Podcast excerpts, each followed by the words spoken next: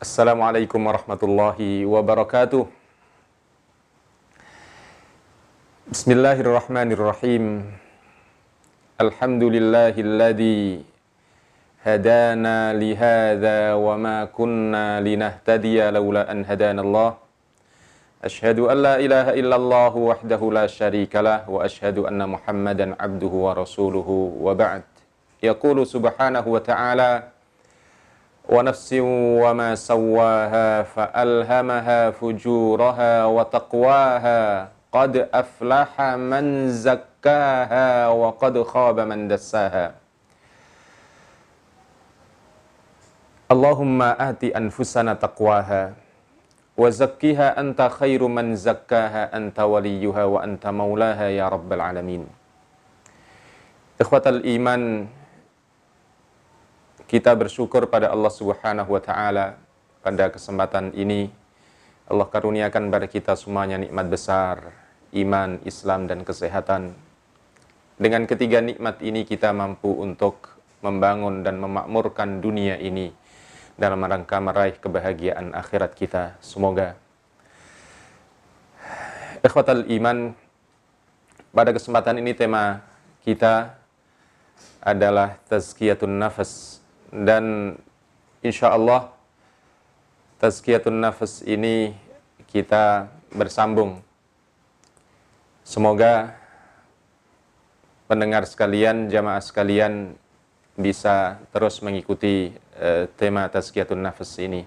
Pada kesempatan ini yang kita bahas pertama kali adalah at-ta'rif bit tazkiyah. Memaknai tazkiyatun nafas. Apa sih tazkiyatun nafas? Jamaah yang dirahmati Allah, tazkiyatun nafas dari kata tazkiyah. Tazkiyah itu dari fi'il zakka masdarnya adalah tazkiyah artinya adalah at-tathhir wal madh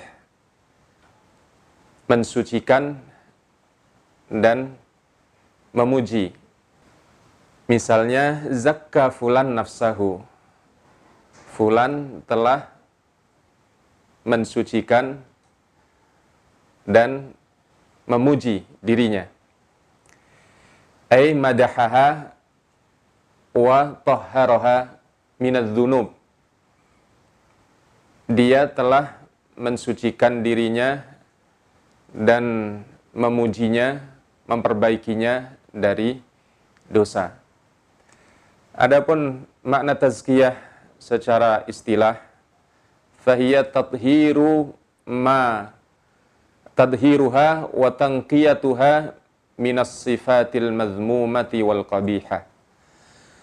Adapun tazkiyatun nafas secara istilah adalah mensucikan jiwa dari sifat-sifat yang buruk wasa'yu ala takmiliha dan berusaha keras untuk memperbaiki dan menyempurnakan jiwa ini mengindahkan atau menghiasinya dengan keindahan-keindahan amal-amal soleh. Ini adalah makna tazkiyah. Nah jamaah yang dirahmati Allah, untuk mengetahui sesuatu ada sebuah kalimat yang indah sekali dari para ulama kita. Kalau kita ingin mengetahui apa sih arti malam, maka kita ketahui eh, siang. Oh, malam itu lawan dari siang. Nah, untuk mengetahui tazkiyah ini, kita bisa untuk melihat seperti apa sih dampak jiwa yang tidak suci. Nanti kita akan tahu makna tazkiyah. Dan sejauh mana pentingnya tazkiyah.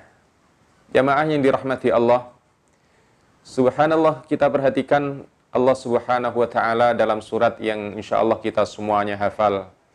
Dalam surat Asy-Syams kalau Allah Subhanahu wa taala akan berbicara tentang suci dan kotornya jiwa Allah Subhanahu wa taala bersumpah dengan hamba-hambanya yang besar. Tujuh sampai hamba-hambanya yang besar Allah Subhanahu wa taala angkat sebagai sumpahnya. Kita perhatikan Bismillahirrahmanirrahim. Wasyamsi wal duhaha wal qamari idza talaha wan nahari idza jallaha wal laili idza yaghshaha. Was samai wa ma banaha wal ardi wa ma tahaha wa nafsin wa ma sawaha fa alhamaha fujuraha wa taqwaha. Terus qad aflaha man zakkaha wa qad khaba man Allah Subhanahu wa taala bersumpah dengan tujuh makhluknya yang besar demi matahari dengan waktu duhanya, demi bulan apabila telah purnama, demi siang apabila telah terang benerang, demi malam apabila telah gelap gulita, demi langit apa dengan kokohnya bangunannya, demi bumi dengan luasnya hamparannya dengan demi jiwa yang Allah Subhanahu wa taala ciptakan dengan kesempurnaannya yang Allah berikan potensi baik dan potensi buruk. Lalu kemudian Allah Subhanahu wa taala menyatakan qad aflaha man zakkaha. Sungguh beruntung bagi mereka bagi hamba-hamba yang mensucikan jiwanya. Wa qad khaba man dassaha. Dan sungguh merugi mereka yang membiarkan jiwanya kotor. Jamaah yang dirahmati Allah, jiwa yang kotor seperti apa dampaknya? Jamaah yang dirahmati Allah, luar biasa dampak jiwa yang kotor ini. Sehingga kalau kita mengetahui dampak jiwa yang kotor, kita tahu bagaimana kita mensucikan jiwa dan bagaimana jiwa yang suci. Subhanallah jamaah yang dirahmati Allah. Yang pertama, di antara sekian banyak dari dampak jiwa yang kotor adalah qillatu at-ta'ah, sedikit ketaatannya. Sedikit ketaatannya berat untuk taat kepada Allah Subhanahu wa taala. Misalnya kita perhatikan di surat At-Taubah. Allah Subhanahu wa taala kala menyeru kepada orang-orang yang beriman ya ayyuhalladzina amanu ma lakum idza qila lakum unfiru fi sabilillahi saqaltum ilal ard. Araditum bil hayatid dunya minal fama mata'ul hayatid dunya fil akhirati illa qalil wahai orang-orang yang beriman Bagaimana kalian semuanya ini apabila diseru oleh Allah Subhanahu wa taala untuk memperjuangkan agama Allah isaqaltum ilal ard. Begitu berat sekali langkah kaki kalian semuanya. Araditum bil hayatid dunya minal akhirah. Apakah kalian lebih ridha, lebih senang kehidupan dunia ini daripada akhirat? Fama mata'ul hayatid dunya fil akhirati illa qalil. Ketahuilah dunia ini kecil bila dibandingkan dengan akhirat. Tapi orang-orang yang jiwanya kotor, Subhanallah. Kala dipanggil oleh Allah Subhanahu wa taala untuk mendirikan salat. Hayya 'alas salat. Apa yang terjadi? Males-malesan berat. Bahkan Allah Subhanahu wa taala sebutkan bagaimana sifat orang-orang munafikin di antara ciri mereka adalah wa idza qamu ila salati qamu kusala apabila mereka mendirikan salat salatnya malas-malas berat kenapa karena di dalam dirinya ada penyakit. Fi qulubihim maradun. Di dalam hati mereka ada penyakit. Maka subhanallah, penyakit-penyakit yang ada dalam jiwa ini, jamaah yang dirahmati Allah, akan menjadikan berat kita beribadah dan ibadah-ibadah yang dilakukan adalah sedikit. Ya, baca Quran sekedarnya, bahkan mungkin nggak baca Al-Quran. Salat ya sekedar gugurkan kewajiban. Atau bahkan mungkin salatnya naudzubillah bolong-bolong. Infak hanya sedikit. Ya. Bahkan kadang-kadang juga nggak infak. Dan demikian jamaah yang dirahmati Allah. Ini yang pertama di antara sekian banyak yang menunjukkan bahwa betapa pentingnya eh, kita mensucikan jiwa kita. Nah jamaah yang dirahmati Allah. Kemudian yang kedua, di antara sekian banyak bagaimana kita melihat pentingnya untuk membersihkan dan mensucikan jiwa kita, maka kita lihat apa pengaruhnya atau dampak yang kedua bila jiwa kita kotor? Bila jiwa kita kotor, jamaah yang dirahmati Allah, yang muncul dari kita semuanya adalah al-jar'ah. Al-jar'ah al-artigabi al-ma'siyah. Berani. Nggak ada rasa takut-takut, rasa tungkan, rasa malu kepada Allah Subhanahu wa taala untuk berbuat maksiat. Allahu akbar. Ya kadang-kadang seorang manusia kalau dirame-rame berbuat maksiat, ada rasa malu kepada manusia. Tapi kalau orang itu berada dalam kesendirian, Allahu Akbar. Kita perhatikan Imam Ali karamallahu wajah mengingatkan pada kita semuanya. Ibhas an qalbika fi thalathi mawatin. Carilah hatimu di tiga tempat. Dan salah satunya adalah wa indal khulwa di saat kamu dalam keadaan kesendirian. Saat kita berada dalam kesendirian, adakah kita rasa takut kepada Allah Subhanahu wa taala? Akankah kita takut kalau Allah Subhanahu wa taala perlihatkan amal-amal kita nanti di hadapannya seperti apa? Maka subhanallah, orang yang jiwanya sehat, orang yang jiwanya bersih, maka subhanallah, dia akan selalu berupaya untuk menghindari kemaksiatan baik terang-terangan atau dalam kesendiriannya. Tapi orang yang kotor jiwanya, subhanallah, semoga Allah subhanahu wa ta'ala lindungi kita semuanya. Dia akan berani, al-jar'ah, al-irtikabil ma'asi, berani untuk berbuat kemaksiatan. Ini yang kedua. Yang ketiga, subhanallah para uh, saudara-saudaraku yang dirahmati Allah. Bila jiwa kita kotor, apa yang akan muncul pada diri kita? Yang akan muncul pada diri kita semuanya adalah istihanud dzunub. Istihanud dzunub. Meremehkan dosa. Padahal subhanallah, perhatikan Rasulullah Shallallahu Alaihi Wasallam dalam hadis yang diriwayatkan oleh Imam Turmudi wa qala hadithun hasan menceritakan tentang beda orang yang beriman, orang mukmin dengan orang-orang yang fajir, orang-orang yang hati-hatinya kotor. Rasulullah Shallallahu Alaihi Wasallam bersabda, Innal mu'mina yara dhunubahu ka'annahu ala asli jabalin yakhsha an yaqa'a alaihi.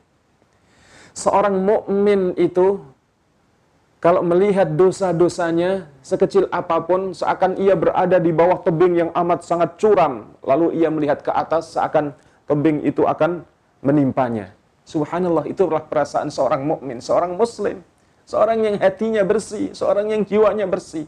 Tetapi sebaliknya perhatikan wal fajiru. Adapun orang-orang fajir orang-orang yang jiwanya kotor bagaimana dia melihat kesalahan dan dosa? Ka'annahu dzubabun yaqa'a ala anfihi faqala ah Allahu akbar.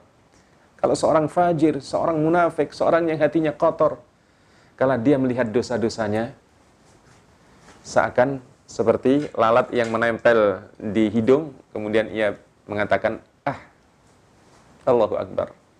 Jamaah yang dirahmati Allah semoga Allah Subhanahu wa taala karuniakan pada kita semuanya senantiasa khasyatullah Orang-orang yang takut kepada Allah adalah orang-orang yang jiwanya bersih.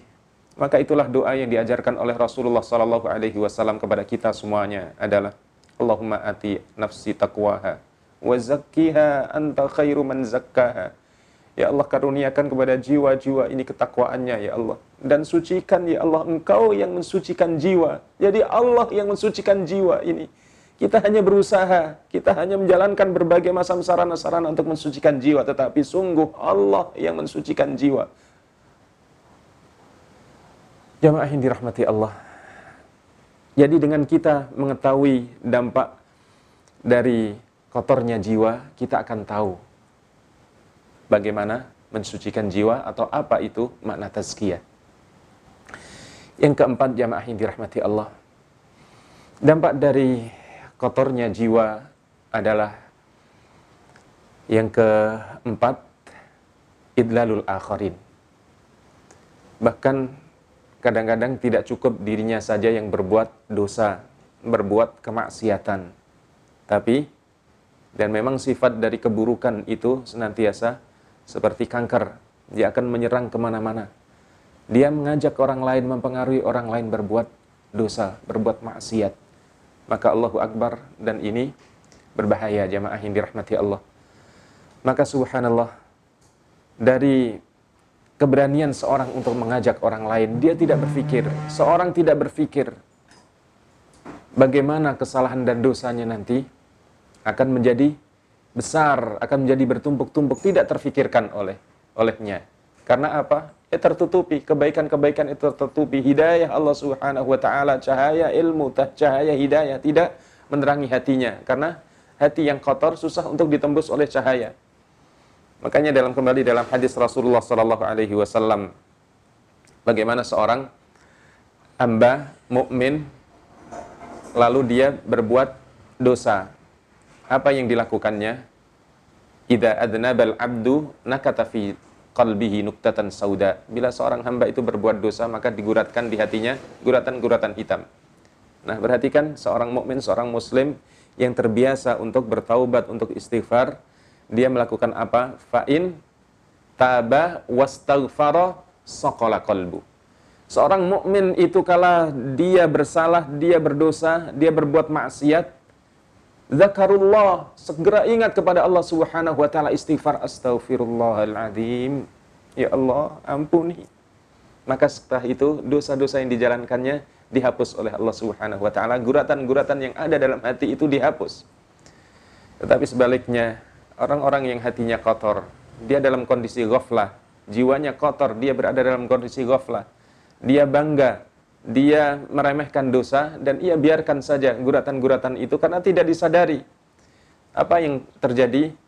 Fa in zadat zad, zadat wa ta'lu qalbu wa ta'lu qalbah. Apabila dia tidak segera bertaubat, tidak segera istighfar dan tidak sadari akan dosa ini, maka guratan-guratan hitam itu akan memenuhi hatinya.